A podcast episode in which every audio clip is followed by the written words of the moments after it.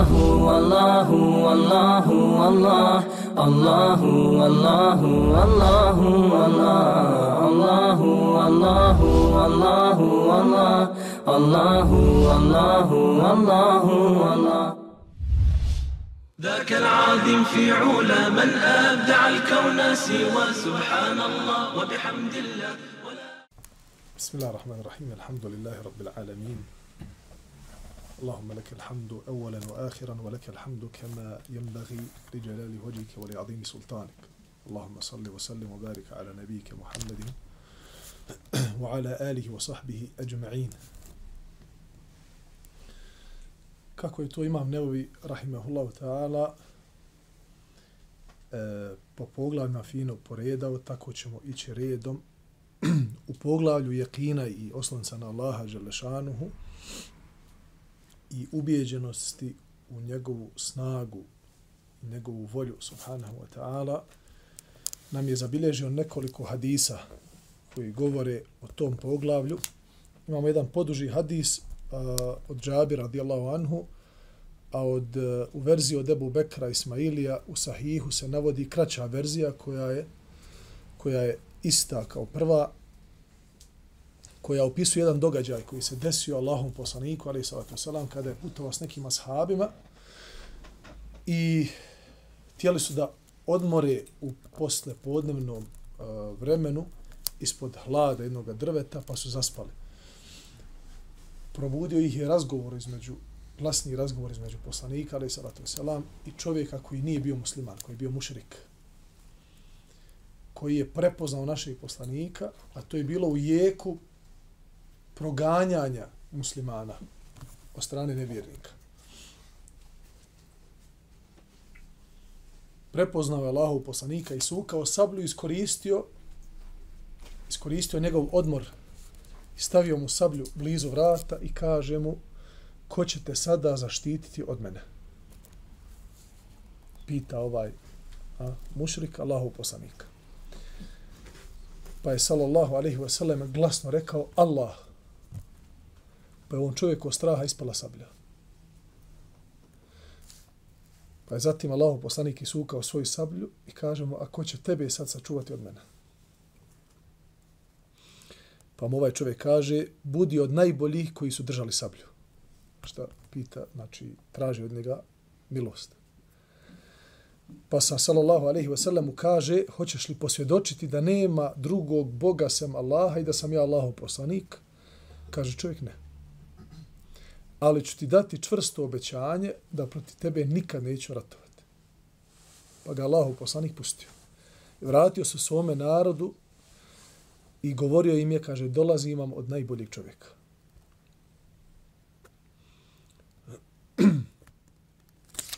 Kao prvo, braću moja, ovaj hadis nam govori samo jedan u nizu raznoraznih e, događaja i neugodnih situacija u kojima se nalazi Allahov poslanik.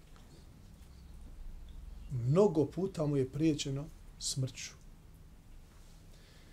Više puta se izlagao izlagao sebe, svoj život i bio na koncu da bude pogubljen. Kao što je bitka na Uhudu, kao što je ovaj moment. Kao što je noć u kojem su se mušnici sakupili, to jest odredili deset mladića koji će okoliti njegovu sallallahu alaihi wasallam kuću i ubiti ga u toj kući tu noć. I mnoge druge situacije u kojoj je sallallahu alaihi wasallam pretrpio razne nelagodnosti. Toga nikada nije odvuklo u stranu da, da postane silan, da postane nepravedan, da postane osvetoljubljiv prema svojim neistomišljenicima, prema neprijateljima. Nikada. Uvijek se trudio, ali i salatu wasalam, da izliječi situaciju, ne da je pogorša. Nikada nećete naći u njegovoj siri, u njegovoj biografiji, da je na problem dodavao veći problem. Nikada. Ali i salatu wasalam. Uvijek je išao ka tome da izliječi problem. I da, pored teške situacije u kojoj se nalazi u nekom momentu, iskorištavao bi to da čak protiv tog čovjeka, znači koji umjesto da, evo, da iskoristi sad moment, ispalo mu je sablja. On se dohvatio svoje sablje. Ashabi se probudili. Sasvim validno, sasvim normalno, u ratnom stanju. Čekaj, si mi prijetio smrć, smrću. Znači, ti si da me ubiješ. Znači, ja tebe sad ubijem. Tako bi mnogi razmišljali. Tako, ne. On želi da se ovaj čovjek spasi. Pa iskorištava taj moment, okreće situaciju i kaže, hoćeš li posvjedočiti? Ne utjerava ga u vjeru, jer uh, la ikrahe fid din, nema prisile u vjeru. Pita ga, znači iskorištava taj moment susreta sa njim da postane musliman. Ako on to ne želi, međutim ovaj čovjek je bio jako pametan. Jako pametan. Odmah je nakon toga dao čvrsto obećanje da se neće boriti protiv Allahovog poslanika, pa ga je sallallahu alejhi ve sellem pustio. I kažem vam, ovo je samo jedna od ni, u nizu situacija iz koje Allahu poslanik alejhi ve sellem uvijek izlazio na način da e, ne dodaje ulje na vatru. Iako je često imao puno pravo i da se osvijeti i da da uzvrati istom mjerom, nikada to nije radio. I jako je teško, braću na čovjeku da ostane pravedan. Vi ćete danas naći da mnogi ljudi spremni su do sabaha da vam pronalaze opravdanja za svoje istomišljenike. Za neke greške koje su napravili prijestup. Je li on moj istomišljenik? Je li razmišlja kao ja? Slaže se sa mnom u osnovi? Međutim, pogriješio je. Hiljadu opravdanja. Ne 72, hiljadu. Istu tu grešku je napravio moj neistomišljenik. Neko ko ne razmišlja kao ja. Ili neko možda sa kim ja imam već otprije neke nesuglasice. A? Moje emocije su tu već poljuljane. I samo čekam njegovu grešku. Sve najgore o njemu govorim. Iako istu tu grešku je napravio moj prijatelj. Ali sam ja prešao blago preko te greške i našao mu čak i opravdanje i možda ga i pohvalio za neke njegove vrline koje ima pri sebi. Ali neistomišljenik je u pitanju, nema tu milosti. To braćo moja, nepravedno. Kako će jedan umet, kako će jedan narod, kako će jedna skupina očekivati Allahu milost i da Allah Đalešanuhu dadne toj skupini bereket da povede svoj narod, da osvijesti svoj narod, da dadne, da dadne Allah bereket u strajnosti u nekim poslovima. Jer vidite, Allahovi zakoni su na ovome svijetu jako poznati. Allah na nešto ostavi spomen i dadne mu da traje. Pa makar ga satirali i ratovi i generacije i vrijeme i tako dalje. Ali ostaje te znamenitosti su jako poznate i u Sarajevu i u drugim gradovima. Kao što je Vakuf Gazi Husrevbega i tako dalje. Znači, pet vijekova nema koja opcija i koje, ko nije dolazio i, i zauzimo i razuzimo i trao i granate i ratovi i, i dalje traje. Dok druge neke stvari u kojima Allah ne da bereketa, iz određenih razloga ne da bereketa, Ugase se prije što su i počeli. Ima Malik, rahimahullah ta'ala, poznati učenjak Medine, kada je počeo da piše svoj muvatu, od hiljadu i koji hadis, u to vrijeme se je pročulo da on piše muetu, da sakuplja hadise koji su vjerodostojni od Allahu poslanika, ali salatu wasalam, koji bi mogli da uh, sakupe suštinu vjere u Allaha. od propisa, od vjerovanja i tako dalje. Dvije stotine alima u to vrijeme je ljudi koji su, priuč, koji su učeni bili, počeli da pišu muotu. Isti naslov, sve, i oni pišu hadise. Jednog dana su došli neki učenici, kod nekolicina učenika do imava Malika, kažu mu, čuli smo da se piše pored tvoje muete još dvije stotine mueta. Haman kako stvari stoje, neće se sutra znat ko, koja je tvoja mueta, a koje su Pa je on proučio samo jedan kuranski ajet. Innama je taqabbelu Allahu minal muttaqin. Allah prima samo od bogobojaznih. Koliko mu eta danas znate da postoje pod nebeskim svodom? Samo jedna.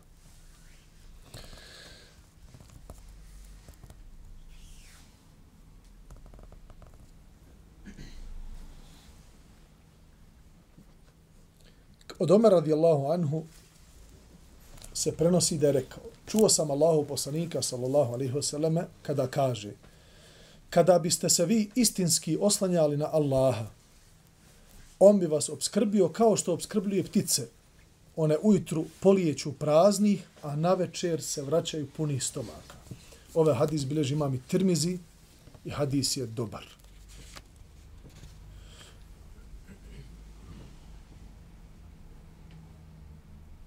Najviše se sekiraju za nafaku ljudi.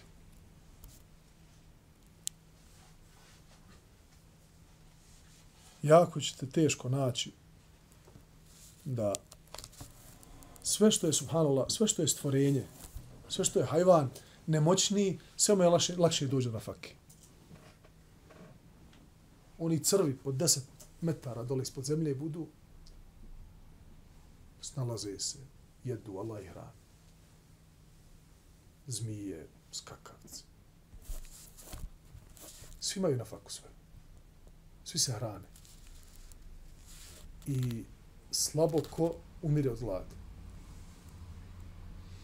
A insan, čovjek, kome je Allah obećao na faku i podredio njemu sa ovaj dunjalog, znači kad nas je spustio na ovaj svijet, inni ja'ilun fil ardi halife. Allah je rekao melecima, ja ću na zemlji načiniti namjesnika. Sve ću mu podrediti. Sve je podređeno čovjeku. I opet insan se po najviše od svih stvari na ovom svijetu sikira za nafaku, koja mu je zapisana 100%. A ono za što bi trebao u osnovi da se sikira, to je ostavio po strani. I onda ne može da sastavi dva dobra. Trči u krug kao što trči onaj bijeli miš u onom plastičnom kolu. Jer onoga trenutka, kada bi svu tu brigu za nafaku, brigu, Ne mislim e, ažurnost. Drugo je biti ažuran za nečim, a drugo je brinuti se za nečim. Kada bi svu tu brigu prebacio da se brine o svom ahiretu, o svom ibadetu, o svom odnosu sprem Allaha i svom odnosu sprem drugih ljudi, kad bi tu brigu investirao u to, s ove strane njegova ažurnost bi bila jako pozitivna i ne bi se brinuo za faku. Bio bi obskrbljeno, dakle se ne nada.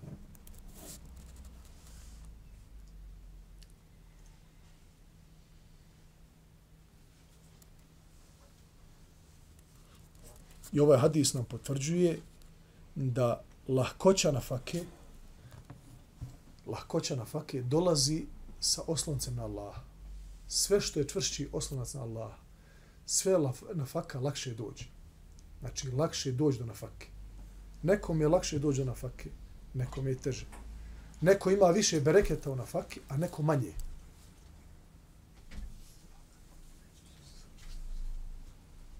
To je u Allahovim rukama kome će dati lakše, ako ima haman kamen podigne, nađe, nađe ispod kamena na faku.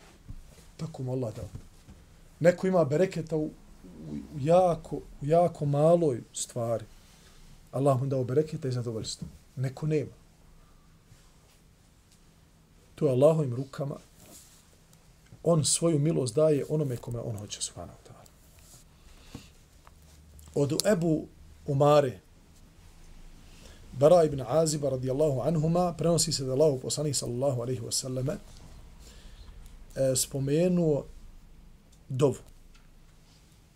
Kada legneš svoju postelju, izgovori.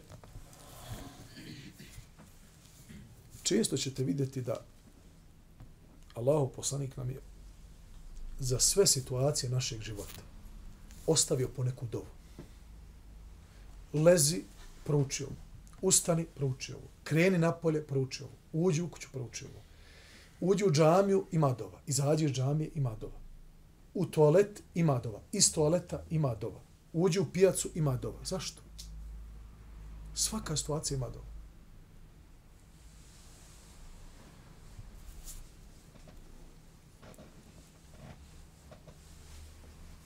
Dove, braćo moja, dova čovjeka ostavlja u vezi i prisebnosti, jer e, budno srce može samo biti kod vjernika. I jedino budno srce može da shvati kakvoću ovoga svijeta. Čovjek, ako njegovo srce se uspava, ako njegovo srce uđe u gaflet, prođe Muhammed njegov život, on ne zna što je živi. Jako je tužno, pazi, nama će svima proći život. Mi ćemo svi otići s ovoga svijeta. Ali velika razlika između onoga koji je znao zbog čega živi i živio ispravno, živio pozitivno, živio fino, proživio fin život. Između onoga koji nije znao zašto živi. Znači, on je cijeli život potrošio samo, ne zna ni on gdje, kako je to potrošio. Lijevo, desno, gore, dole. Znači, ne, jednostavno, bez kompasa, bez pravca. Taj čovjek uđe u starost i okrene se za sebe, on ne zna što je živio. Dove su nam ostavljene da bi bili u stalnoj zaštiti Allaha Đalešanu. Dove su nam ostavljene da se predamo uzvišeno. Klanjamo namaz. Nakon što predamo selam, prvo što kažemo je estagfirullah. A učinili smo dobro djelo. Nismo učinili loše djelo. Učinili smo najdraže Allahu djelo. A to je namaz u njegovom vremenu. Čim smo predali selam, estagfirullah, estagfirullah, estagfirullah. Ta stalna predanost Allahu Đelešanu i poniznost prema njemu stvoritelju i nakon učinjenih dobrih dijela i stikfara, kod čovjeka povećava, povećava kod Allaha stepen. Jer Allahov poslanik je dnevno po stotinu puta izgovorio stagfirullahu wa etubu ili, a bilo mu oprošteno. Ma taqaddama min dhanbihi wa ma ta'akhkhar. Kaže Allah dželle u suri Feth, mi smo ti oprostili ono što je bilo, ono što će biti. A to je raf'ul daraje. Znači istigfar nakon dobroga djela podiže čovjeku stepen kod Allaha. I smanjuje njegov ego i povećava mu poniznost prema gospodaru svijeta. Allahu svoju dušu tebi prepušta. Svoje lice tebi okreće, tebi prepuštam svoj slučaj, na tebe se oslanjam, strahujući od tvoje kazni, nadajući se tvoje milosti. Nema si sigurnost, utočišta ni spasa od tebe, osim kod tebe. Vjerujem u knjige knjigu koju se objavio, resnika kojeg si poslao, kaže, sallallahu alaihi wasallame, ko prouči ovo u toku noći i umre u toj noći, umro je u prirodnoj vjeri, na fitri. A ako osvaneš, dobio si veliko dobro. Ovaj hadis bilježi Buhare i muslimu svojim sahihima.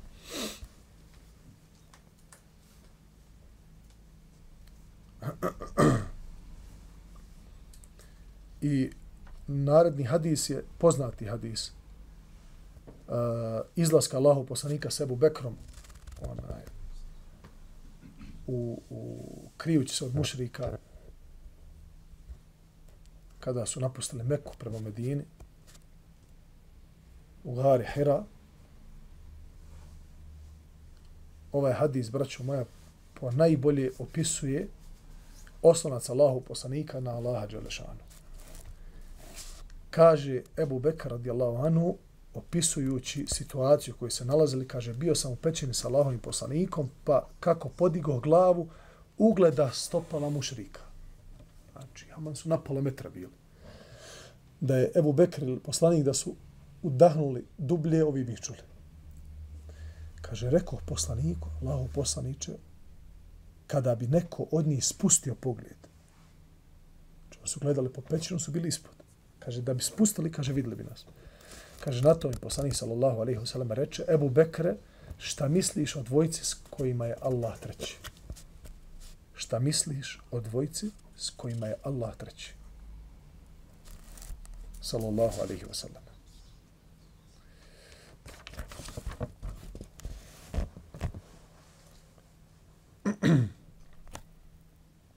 I zatim dolazi hadis o Bismillah tawakkaltu ala Allah wa la hawla wa la quwwata illa billah Hadis o izlasku iz kuće. Da čovjek koji prouči ovu dovu poznatu, kada izađe svoje kuće, kaže, uh, kaže poslanik sallallahu alaihi wasallam, njemu se kaže tom čovjeku, upućen si, zaštićen si, sačuvan si. I od njega se šeitan udalji.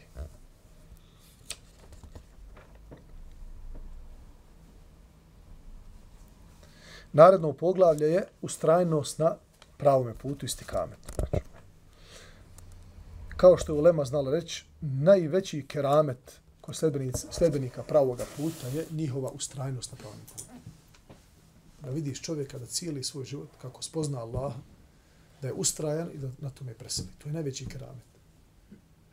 Ponekada ljudi traže razne keramete ili tragaju za njim ili, ili radovali bi se da ali braćo moja danas pogotovo na, na ovom faktu najveći keramet kod insana je ustrajnost. Jer to je najbolji pokazatelj e, njegov, njegove predanosti Allahu Đalešanuhu istin, istine na kojoj se nalazi. I to nije nimalo lako. Lako je onome kome Allah olakša. Kao što je poslanik sallallahu alaihi wasallame rekao u hadisu kod Džabira radijallahu anhu kada ga je pitao o dženetu i džahennemu. Pa ga je pitao o stvarima koje vode ka, ka dženetu i o stvarima koje vode ka vatri. Kaže, pitao si o krupnoj stvari. Lekad se elte an azim, nešto krupno, nešto. Nije lako. Ali kaže, to je lahko onome kome Allah hoće da olakša. Da učini lahko Kome Allah hoće da učini stvari lahki? Onome ko se trudi. وَمَنْ يَقْتَرِفْ حَسَنَةً نَزِدْ لَهُ فِيهَا حُسْنًا kaže Allah u Koranu. Ko se umori, iktiraf na arapskom jeziku znači da dadneš maksimum svoga truda, da nešto uradiš. Kaže, ome jaktarif hasaneten, onaj ko se potrudi da uradi neko dobro. Kaže Allah Đelešanu, mi ćemo dati, mi ćemo uljepšati to njegovo dobro djelo. Šta znači mi ćemo uljepšati to nego dobro djelo? Nekada se mi potrudimo da nešto uradimo, ali to nije onako kako se traži od nas. Sedidu wa qaribu, kaže sallallahu alaihi wa sallam. Uradite onako kako vam je naređeno ili slično tome. A slično tome je da čovjek uradi shodno svome, svojim mogućnostima. Nekada ne možeš da uradiš onako kako se traži. Nekada možeš, nekada ne možeš. Zavisi od tvog stanja. Nekada jednostavno ne možeš, ali se potrudio. Allah zna da se potrudio ili nise potrudio. I onda će Allah uljepšati tvoje djelo. Na način da će ti olakšati da ga činiš.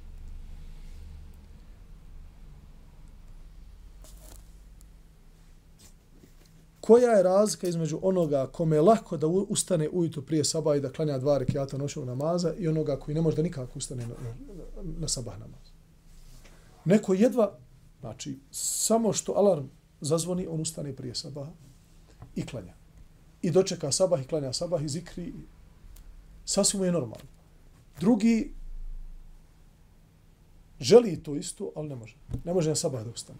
Ustane oko 8, 9, 10 ujutro. Jednom je Allah olakšao, drugom je nije. Jednom je olakšao zato što u njegovom je srcu, a, njegovo srce je spremno za olakšanje. Allah zna žudnju njegovu, iskrenu, da ustane u to dobu. Ovaj drugi onako samo. Ja volio sam milioner. Pa Do što radiš na tom polju? Dođe ti momak, kaže, to, šta ti vidiš u budućnosti, šta bi ti volio da postaneš? Pa kaže, milioner. Šta trenutno radiš? Kaže, igram s rajom futbala, kaže, na male.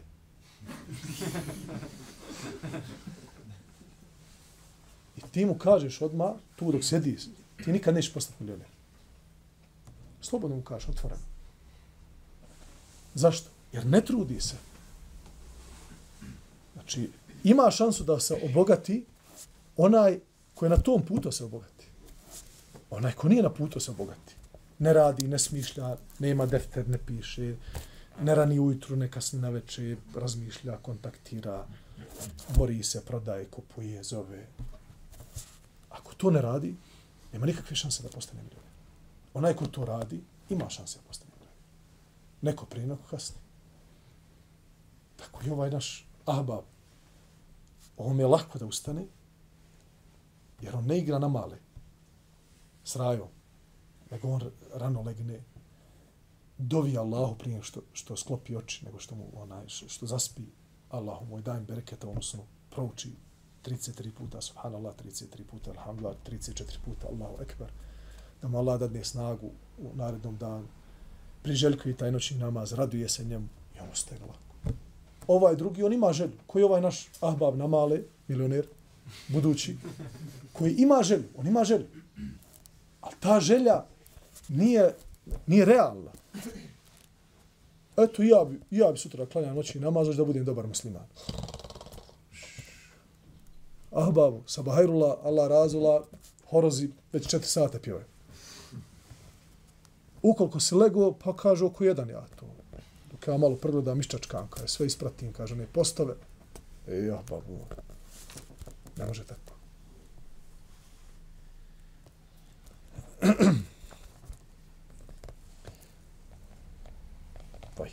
istikamet.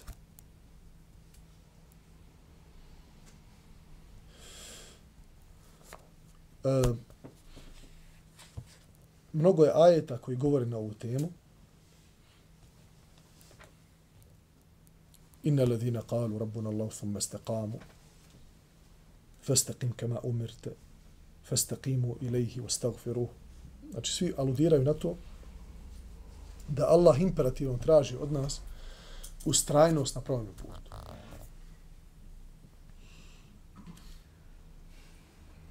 I hadis koji govori na tu temu uh, promjene ustrajnosti na kraju života je poznati hadis uh, da će čovjek cijelog života raditi dobra djela sve dok ne bude između njega i dženneta koliko je jedan lakat, pa će uraditi nešto što će ga odvesti u vatru, pa će, pa će, ga, pa će, pa će otići u vatru i obrnuto. Znači, cijeli život će čovjek raditi loša djela. Allah je mudar zbog čega. Jedan nastavak, jedna verzija ovog hadisa nam otkriva, otkriva o čemu se radi. Jer hadis da bez, ove, bez ovog nastavka je jako diskutabilan. To jest uh, nesvatljiv je. Da će biti ljudi koji će, jedan čovjek će biti cijeli život će raditi dobra djela i pred sami kraj svoga života uradi loše, toliko loše, da će zasušti vatru i uđe u vatru. S druge strane, bit će čovjek koji će cijeli svoj život raditi loša djela. Pred samu smrt, nešto mu nadođe, uradi neko dobro djelo kojim će zaslužiti Allahu milost i ulazak u dženet i uđe u dženet. A drugi rivajet kaže fima ajunin nas. Braćo, ovo, ovo fima ajunin nas, Ovo se nas tiče. Posmatrača sa strane. Pogledajte sad ovo. Kaže sallallahu alaihi wa ono što ljudi vide u svojim očima. Znači čovjek će raditi dobra djela cijeli svoj život. Ono što ljudi misle da on radi dobra djela. I ovaj će, kaže drugi, raditi loša djela. Fima fi a'yunin nas. Ono što ljudi misle da je taj čovjek loš. A on nije u osnovi loš. A ovaj misle da je dobar, a on osnovi nije dobar. Pa će i jednog i drugog sudbina i ono što se nalazi u njihovim srcima i ono što u biti jesu, preteći i jedan i drugi će na, na završetku raditi ono što će odvesti u onom pravcu kojim su bila njihova srca cijeloga života. Tako da o, svjedočanstvo ljudi ima to na hadis da kod Allaha smo onakvi kako ljudi svjedoče. S tim da postoje iznimke, sigurno. Znači, neka će ljudi za nekoga smatra da je loš, da je on neko da Allaha dobro. Pa kako? Ka? Allah najbolje zna. Allah najbolje zna. Ili za nekoga, dobro, ovo, ovo da, je, da, je, da je dobar, da ljudi misle da je dobar, a u osnovi je loš, to se lako može protumačiti. Imamo primjer licemjera čovjeka, koji je pravi licemjer. U, u, u svoje biti, licemjer, i radi dobra djela, radi ovo dunjaličkog neke koristi. Jednostavno, onaj, e, pretvara se radi lične koristi, a ne radi ništa, Allah radi. To je lako. Ali kako, će, kako protumačiti ovoga čovjeka koji mi mislimo da je on loš, on je kod Allaha dobar, e, može nam samo ili vodi nas samo na jednu stanicu. A to je ne komentariši drugi ljude plavo. Jer se možeš prevariti na čovjeku koji u osnovi smatraš da je loš, on je dobar. Šta da radimo? Ne komentariš. Ili komentariš onda samo kad misliš ili smatraš da će tvoj komentar koristiti islamu i muslimanima. Ako, ako će tvoj komentar da je neko loš, da ti otkriješ njegovu bit drugima, poboljšati stanje islama i muslimana, uradi to. Ako ćeš to samo iz hira, ono, eto, ja sam vidio ovoga da radi ovo i smatram da je loš, onda ne imaš od, od, od toga nikakve koristi, a možeš da pribaviš sebi neku, neku štetu. Zatim dolazi hadis koji smo malo prije citirali u jednom dijelu, a to je sedidu wa karibu. Kaže, sallallahu alaihi wa sallam, radite kako vam je naređeno ili slično tome. Karibu, slično tome, znači, ako čovjek ne može onako kako je naređeno, neka, neka uradi onako kako može. I znajte da nikoga njegova dobra djela neće spasiti. Mi radimo dobra djela da se umilimo svome gospodaru kako bi nam se smilovao, a ne kako bi svojim djelima zaradili džennet. Prisutni upitaše, kaže, zar ni tebe Allahu poslaniče? Kaže, kaže sallallahu alaihi sallam, ni mene, osim ako me Allah ne obaspe, ne obaspe svojom milošću i dobrotom. Ovaj hadis bileži ima muslim.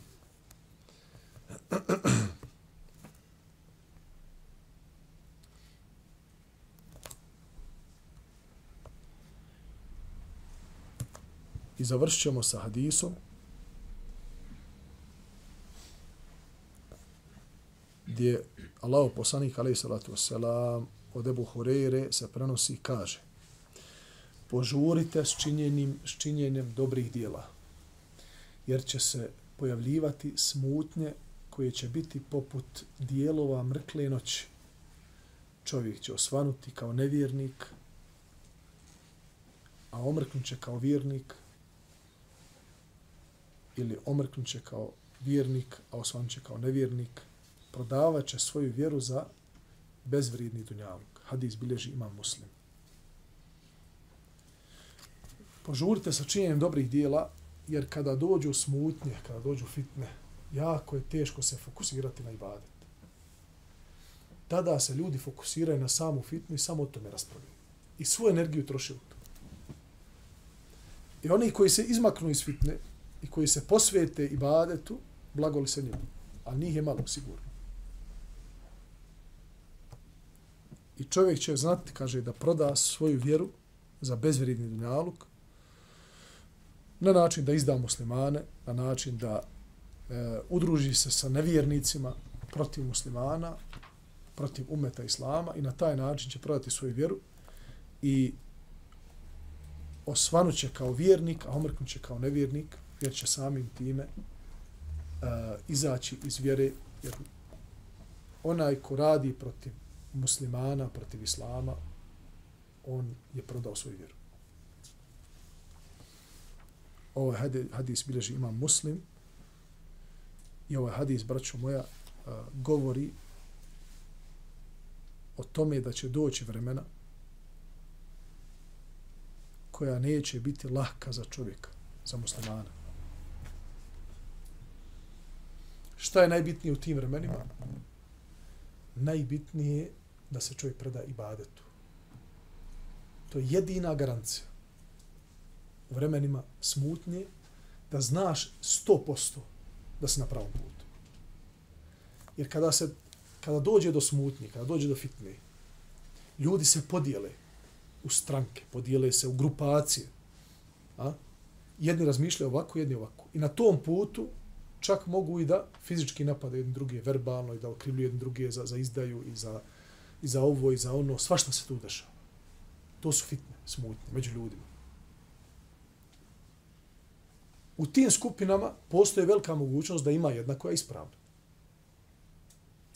Tako. Kao što je bio spor između Ali i Muavije. To vrijeme, ko će znat ko je na pravom putu? Ovi traže da se odma pogube ubice Osmana, drugi kažu nemoj daj da sačekamo, da vratimo sve stvari kako treba, da posložimo, pa ćemo onda. Lako je naći ubicu. Kažu ne, prvo ubit, prvo da se pravda Allahova ona uspostavi, pa ćemo onda, kaže, graditi i, i hilafet sve. Tada se, sada je lako s ove pozicije reći, evo, on je bio pravo, ovaj nije bio pravo. Ali kako ćeš znati da si 100% pravo, bez imalo sumnje? Izađi smutnije, svitnije, posvjeti se i baditi. Okreni se Allahu Đalešanuhu i stupi svoju sablju naspram drugog brata muslimana. Bićeš u pravu 100%. وأقول قولي هذا وأستغفر الله لي ولكم. سبحانك اللهم وبحمدك أشهد أن لا إله إلا أنت أستغفرك وأتوب إليك.